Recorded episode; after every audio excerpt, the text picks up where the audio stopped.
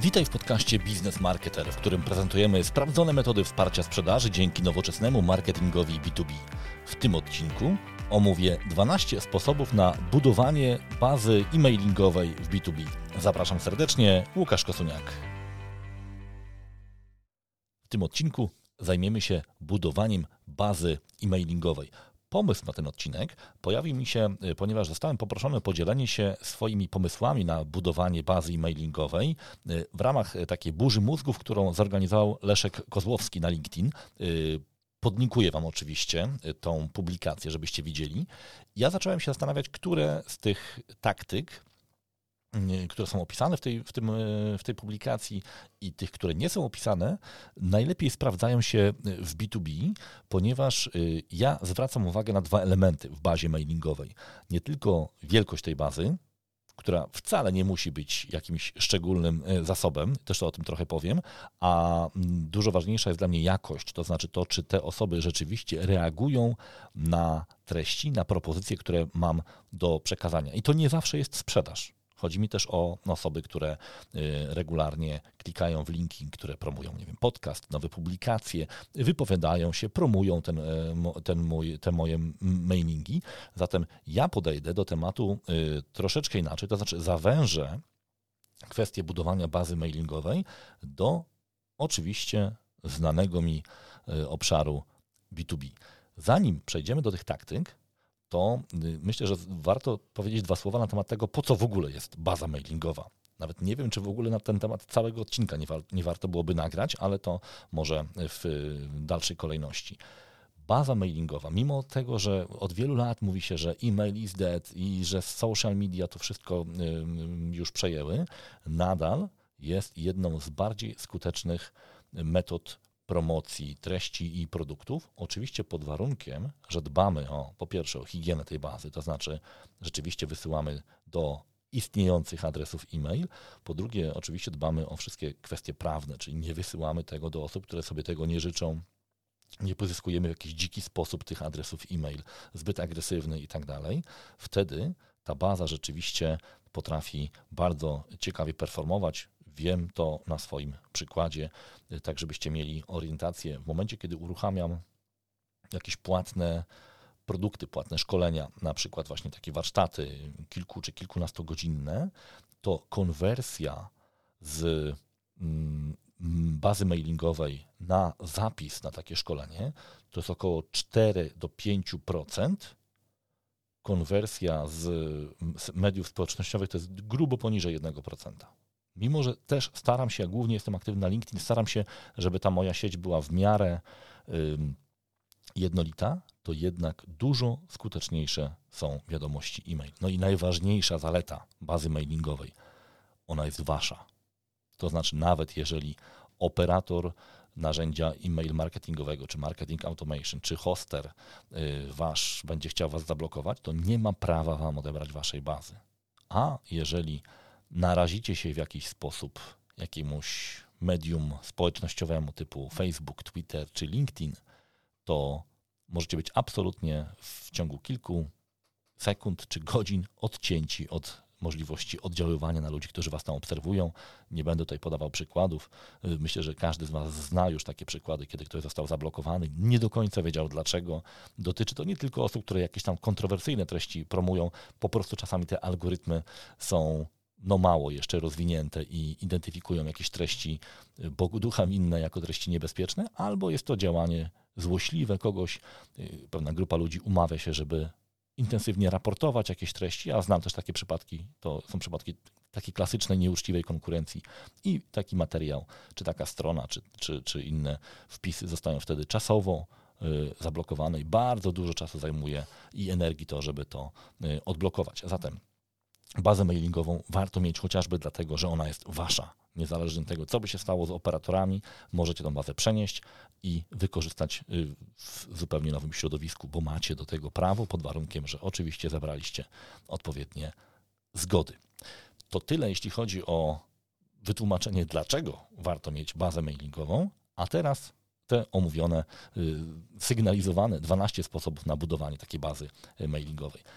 Pierwszy lead magnet, czyli coś, co przyciąga y, uwagę i jak sama nazwa wskazuje, może doprowadzić nawet do y, działań sprzedażowych.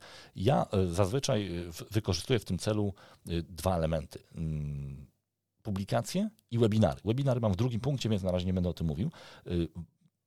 Cóż tu można powiedzieć? Ważne jest to, żeby przede wszystkim zadbać o kwestie formalne, czyli wszystkie zgody, polityki prywatności powinny być, bo inaczej później ktoś wam może zarzucić, że zbieracie te informacje niezgodnie z prawem, no i możecie mieć problem z wykorzystaniem tych y, adresów e-mail. Nie mówię tego czysto teoretycznie. Próbuję teraz sobie oszacować, ale w około 30-40% przypadków wśród moich klientów, kiedy pytam ich, czy są pewni, że mogą do swoich, do swojej bazy e-mail wysłać wiadomości marketingowe, odpowiadają mi, że nie do końca. Więc moja rekomendacja wtedy może być jedna: nie wysyłamy takich wiadomości, chyba że ktoś przeprowadzi audyt prawny i dostanie, dostanie od prawnika takie zapewnienie, że to jest legalne. Więc to nie jest kwestia teoretyczna. Warto pamiętać o tym, jakie zgody powinny być. Powinna tam być zgoda na przetwarzanie danych, na wysyłanie informacji komercyjnych. Najlepiej od razu właśnie przy y, publikacji takiego materiału. Tutaj kilka takich porad, hintów praktycznych. Po pierwsze, Czasem widzę, że e, taką, taki, taki, mechanizm, że w momencie, kiedy ktoś wypełnia formularz, podaje swoje dane, y, y, ta wiadomość od razu mu się y, wyświetla. I to jest bardzo wygodne dla odbiorcy, ale My wtedy nie mamy pewności, czy ten e, adres e-mail, który podała ta osoba jest e, poprawny i czy ta osoba w ogóle tam zagląda do, tego, e, do, tej, do tej skrzynki. To jest o tyle ważne, że wszystkie filtry antyspamowe obserwują naszą domenę i oceniają naszą wiarygodność jako dostawców właśnie między innymi pod kątem tego, czy te wiadomości, które my wysyłamy, ktoś czyta i ktoś otwiera. Więc warto jest tak ustawić tą logikę, ten mechanizm lead magnetu, że powiedzmy e-book jest widoczny, jego miniatura jest widoczna, jakiś kawałek podglądu, to tam jest w środku, warto też dodać. Potem formularz. Po wypełnieniu formularza czytelna wiadomość. Dziękujemy za wypełnienie formularza. Właśnie przesłaliśmy e-book na Twoją skrzynkę albo wiadomość już na ciebie czeka, czy e-book już na ciebie czeka w swojej skrzynce, sprawdź skrzynkę. Y, ja często też dodaję, jeżeli w ciągu 10 minut nie dostajesz wiadomości, sprawdź też spam, folder spam, ponieważ zdarza się, mimo najlepszych chęci i używania y, takich systemów e-mailingowych, które mają bardzo wysoką dostarczalność i bardzo niskie y, te mm, ryzyko wpadnięcia do spamu, że to się zdarza. Ja akurat wykorzystuję dosyć często GetResponse'a, który ma świetne parametry pod tym względem. Mimo tego czasami to się zdarza, więc warto czasami taką, takie ostrzeżenie e, przekazać. I co to wtedy e, powoduje? No, e, osoba, która wypełniła formularz, musi wejść na skrzynkę, musi otworzyć wiadomość, musi kliknąć w link, a nasza domena dzięki temu zyskuje trochę więcej wiarygodności. W związku z tym ryzyko, że wiadomości będą wpadały do spamu, będzie coraz mniejsze. Im więcej takich wiadomości będziemy wysyłali. Druga taktyka webinary. Webinary to jest mój ulubiony format, już mogę to powiedzieć, y, jeśli chodzi o dzielenie się wiedzą z wielu różnych powodów. Opisuję to, omawiam to w jednym z odcinków y, tego podcastu, więc podlinkuję Wam tylko podcast o webinarach, y, ale mm, gdzie można zbierać wiadomości, zgody na komunikację i jak budować bazę mailingową? No przede wszystkim na, na etapie rejestracji. Tam warto zadbać po prostu o odpowiednie pola.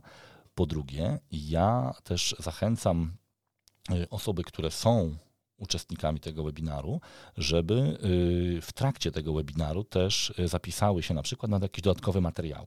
No bo my mówimy o bazie e-mailingowej, ale starajcie się też tak podchodzić do waszych e-maili, żeby nie wysyłać zbyt ogólnych informacji. Idealna sytuacja jest taka, kiedy macie tą swoją bazę e-mailingową dobrze posegmentowaną. I ja na przykład mam odpowiednie segmenty, na przykład związane z zainteresowaniami, czyli mam segment ludzi, którzy, których interesuje automatyzacja marketingu, generowanie leadów, y, mam tylko segment newslettera, który nie jest moją bazą, czyli ktoś, kto się zapisuje do mojej bazy mailingowej, yy, na przykład bierze udział w webinarze, wyraża zgodę na komunikację ze mną, ale nie zapisuje się do newslettera. Nie dostaje automatycznie newslettera. Ja nie chcę, żeby te osoby niejako przy okazji dostawały newsletter, tylko żeby się wyraźnie zgodziły. Będzie ich oczywiście mniej, jest ich mniej niż wszystkich moich rekordów mailingowych w bazie, ale dzięki temu mam dobre open rate, dobre click-through rate, czyli ta baza rzeczywiście jest żywa. Więc ja w ramach webinaru zachęcam do subskrybowania newslettera. Używam takich narzędzi gdzie można aktywny guzik umieścić, taki call to action, albo umieścić taki link w, oczywiście w czacie, czy w jakiś tam inny sposób, tak żeby osoby, które uczestniczą w webinarze, wiedziały, że warto jest się zapisać do tego, e, do tego newslettera. Y, są takie narzędzia, które też mają wbudowane mechanizmy ankietowe i tam można tą ankietę tak e, zorganizować, żeby osoby, które odpowiedzą na pytanie, czy chcesz otrzymywać newsletter, były automatycznie zapisane do tego e, newslettera. To jest oczywiście kwestia techniczna, jak kto woli, ale chcę, żebyście mieli te, te, te informacje. Ja też wykorzystuję oczywiście fakt po webinarze, no bo po każdym webinarze wysyłam podsumowanie, nagranie, dodatkowe materiały. Ja sobie to wszystko wcześniej przygotowuję, więc nie zajmuje mi to dużo czasu. Y, I tam jest też oczywiście link do y, mojego y, newslettera. Co ważne, warto też nie tylko zachęcić do samego subskrybowania newslettera, ale też napisać, co w tym newsletterze jest. Potem Wam powiem jeszcze, że ja dodaję coś ekstra jeszcze, żeby jeszcze zwiększyć chęć bycia subskrybentem y, mojego newslettera, który nazywa się, nazywa się Business Marketer i oczywiście w tym podcaście też będzie link do newslettera i to jest jeden z też z pomysłów, czyli jeżeli macie podcast, to koniecznie w samej treści, w tym słowie mówiony, warto o tym wspominać, jeżeli macie treści, które rozwijają w jakiś sposób zagadnienia z podcastu, które są w newsletterze, ale też i w opisie, bo wtedy oczywiście można klik, kliknąć, przenieść się na stronę i zapisać się do newslettera. Kolejny punkt to konkursy. Wszelkiego rodzaju nagradzanie za odpowiedzi prawidłowe, szybkie i tak dalej. Tutaj kilka, kilka rzeczy, na które warto zwrócić uwagę. Pamiętajcie, że konkurs to nie jest losowanie na losowanie w zasadzie trzeba mieć zgodę, na lot, bo to jest loteria wtedy Ministerstwa Finansów. No myślę, że nie warto jest przechodzić przez całą tą skomplikowaną procedurę, chyba że macie wielkie konkursy czy wielkie loterie, wtedy oczywiście tutaj gra jest warta świeczki. Y, tutaj trzeba też uważać na to, żeby no, nie przyciągnąć zbyt dużo przypadkowych osób, czyli jeżeli nagroda jest świetna, y, to mogą się pojawić osoby, które po prostu podadzą wam adres e-mail, żeby dostać nagrodę, no i wtedy jakość tej bazy trochę spada. Więc tutaj trzeba być ostrożnym. Ja zauważyłem, że jeśli chodzi o nagrody w konkursach, to świetnie sprawdzają się y, książki, publikacje. No bo wtedy, wtedy sam, sam temat książki w jaki sposób filtruje już nam y, odbiorców. Więc jeżeli y, kogoś nie interesuje zagadnienie, którym ja się zajmuję, na przykład, nie wiem, automatyzacja marketingu czy social selling, no to naturalnie nie będzie chciał też takiej książki mieć, no bo cóż on z nią zrobi później. Więc temat książki odpowiednio dobrany też sprawia, że tych przypadkowych adresów jest mniej. W B2B wracają powoli targi i konferencje. To też jest świetny sposób na budowanie bazy mailingowej. Przy stoiskach. Ja od wielu lat zajmuję się organizacją takich targów. Kiedyś jakby byłem wystawcą, teraz bardziej pomagam klientom, żeby dobrze je wykorzystać. W wasze stoisko y, powinno być w taki sposób wyposażone, żeby klienci mogli bardzo szybko otrzymać dodatkowe materiały, y, czasem nawet bez rozmowy z handlowcami, ponieważ dlaczego? Y, dlatego, że często handlowcy są obłożeni, szczególnie w przerwach jest bardzo duże przeciążenie, więc jeżeli ktoś podchodzi do stoiska i nie ma żadnej propozycji dla tej osoby, no to po prostu idzie dalej. A jeżeli my umieścimy jakieś fajne wezwanie, jakiś nie właśnie konkurs, QR kod, naklejkę NFC i tak dalej, to wtedy ta osoba może zostawić nam swój adres e-mail, wyrazić zgodę i otrzymać coś w zamian, jakiś materiał. To nie musi być jakaś książka, chociaż oczywiście y, to świetnie działa, ale to, to jest ta fizyczna styczność, y, dzięki której ktoś korzystając ze swojego smartfona może pobrać sobie coś elektronicznie, przekazać dane y, nam swoje kontaktowe i automatycznie coś otrzymać. Jak widzicie, tutaj jest no, minimalna automatyzacja wymagana. Takie systemy właśnie jak GetResponse chociażby świetnie sobie z tym radzą. Trzeba to po prostu wcześniej opracować, zaplanować i ja zauważyłem, że ponieważ na targach, szczególnie w B2B, jest mało przypadkowych osób, to te osoby, które zostawiają swoje dane, to rzeczywiście potem dosyć dobrze performują. To znaczy odbierają wiadomości, są aktywnymi uczestnikami tej listy mailingowej. Kolejny element y, wydawałby się trywialny, ale jeżeli prowadzicie bloga, koniecznie umieszczajcie w materiale banery, zachęty do subskrypcji newslettera. Nawet y, pomiędzy akapitami takie banery warto, warto umieszczać. To mogą być również jakieś roll banery, jakieś modale, czyli takie wjeżdżające różne formularze. Niech to nie będzie zbyt inwazyjne, ale co by nie mówić o tych inwazyjnych banerach, formularzach i tak dalej, one są skuteczne. Więc y, trzeba to wyważyć, natomiast warto jest przynajmniej jedną propozycję takiego właśnie formularza y, zaproponować. Znowu bardzo ważne jest to, żeby ta osoba nie musiała wypełniać całej masy danych. Na początek imię, adres e-mail i zgoda na komunikację wystarczy. Resztę danych możecie sobie potem, y, że tak powiem, dołączyć w ramach kolejnych interakcji z tą y, osobą. Szósty pomysł Szczególnie jeżeli używacie reklam, reklamy z formularzem, warto jest y, wyposażyć w tą informację zgody na komunikację y, marketingową. Wtedy, jeżeli ktoś wypełnia formularz, to automatycznie dopisuje się do waszej y, listy. Ja zauważyłem, że w B2B mm, reklamy produktów, szczególnie w mediach społecznościowych, te reklamy właśnie takie mm, powiedzmy mm, performanceowe, one właśnie nie za bardzo performują. Dlaczego produkty są zbyt skomplikowane, żeby je po prostu tak odkupić? Dlatego dużo lepiej e, performuje content, czyli treści, czyli znowu jakieś e-booki, materiały, kursy, szkolenia, które proponujemy naszym klientom nawet za darmo. E, właśnie reklama pozwala docierać do nowej grupy odbiorców, często stosunkowo niewielkim kosztem i jeżeli te osoby chcą pobrać jakiś materiał, my płacimy za dotarcie do nich, to warto jest oczywiście też zapewnić sobie możliwość komunikacji z nimi już potem poprzez adres e-mail, dlatego że nie będziemy musieli już potem kupować kolejnych reklam, bo te osoby, część z tych osób już będzie mieli w swojej bazie mailingowej. Tu znowu y, narzędzia marketing automation pozwalają nam bardzo szybko, y, że tak powiem, przechwycić te rekordy osób, które zgadzają się na komunikację z nami i niejako automatycznie potem wysłać na przykład wiadomość powitalną. To też jest bardzo y, wygodne, bardzo dobre wrażenie robi takiego profesjonalizmu, jeżeli ktoś od, od razu otrzymuje potwierdzenie, y, czuje się po prostu dobrze zaopiekowany.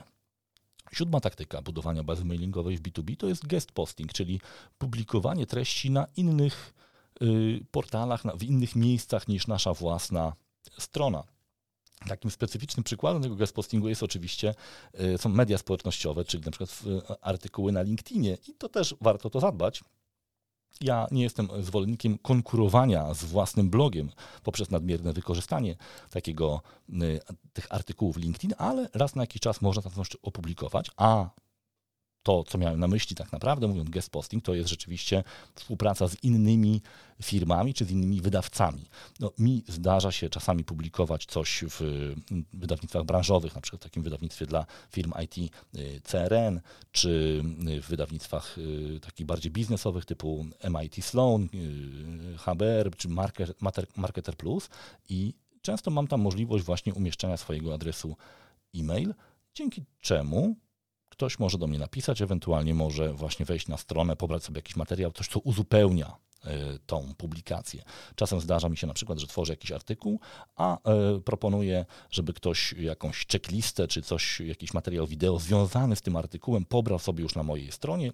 To znowu trzeba to wynegocjować z wydawcą, nie każdy się na to zgadza, ale czasami y, taka możliwość jest i wtedy ja rzeczywiście mam dotarcie do nowej grupy potencjalnych odbiorców nowy pomysł, który od niedawna wdrażam, jeszcze w niewielkiej skali, ale mm, wiem też od innych y, osób, które wykorzystują ten format, bardzo dobrze się sprawdza, to są wyzwania, challenge tak zwane.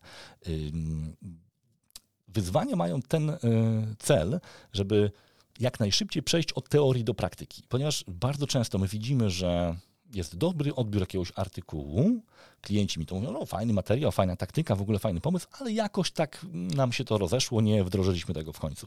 Wyzwanie polega na tym właśnie, że przez kilka czy kilkanaście czasem dni y, my wspólnie z odbiorcami, tymi osobami, które podjęły to wyzwanie, robimy coś. Czyli na przykład wyzwanie twój pierwszy newsletter, wyzwanie twój pierwszy webinar, y, twoje pierwsze wideo sprzedażowe.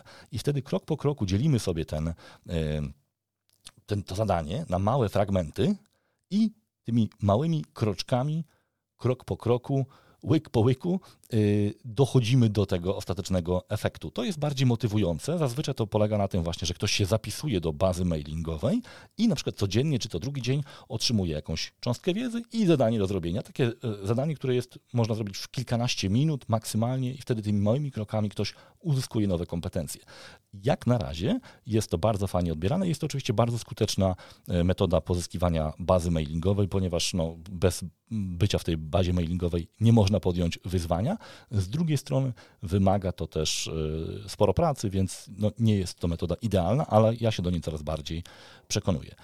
Dziewiąta metoda, promowanie newslettera w mediach społecznościowych. Coś, co wydaje się takie trywialne, ale bardzo wiele osób tego nie robi. Ja przyjąłem taką formułę, że w momencie, kiedy wysyłam newsletter, to tworzę jak, taką jakby okładkę gazety, czy coś, co przypomina taki magazyn swoją stylistyką i tam oczywiście są te najważniejsze wątki z tego newslettera i zauważyłem, że po każdej takiej publikacji kilka, kilkanaście, czasami więcej rekordów, zależnie od tematu, wpada do mojej bazy mailingowej newslettera. Dzięki temu jestem w stanie rzeczywiście ją regularnie y, powiększać.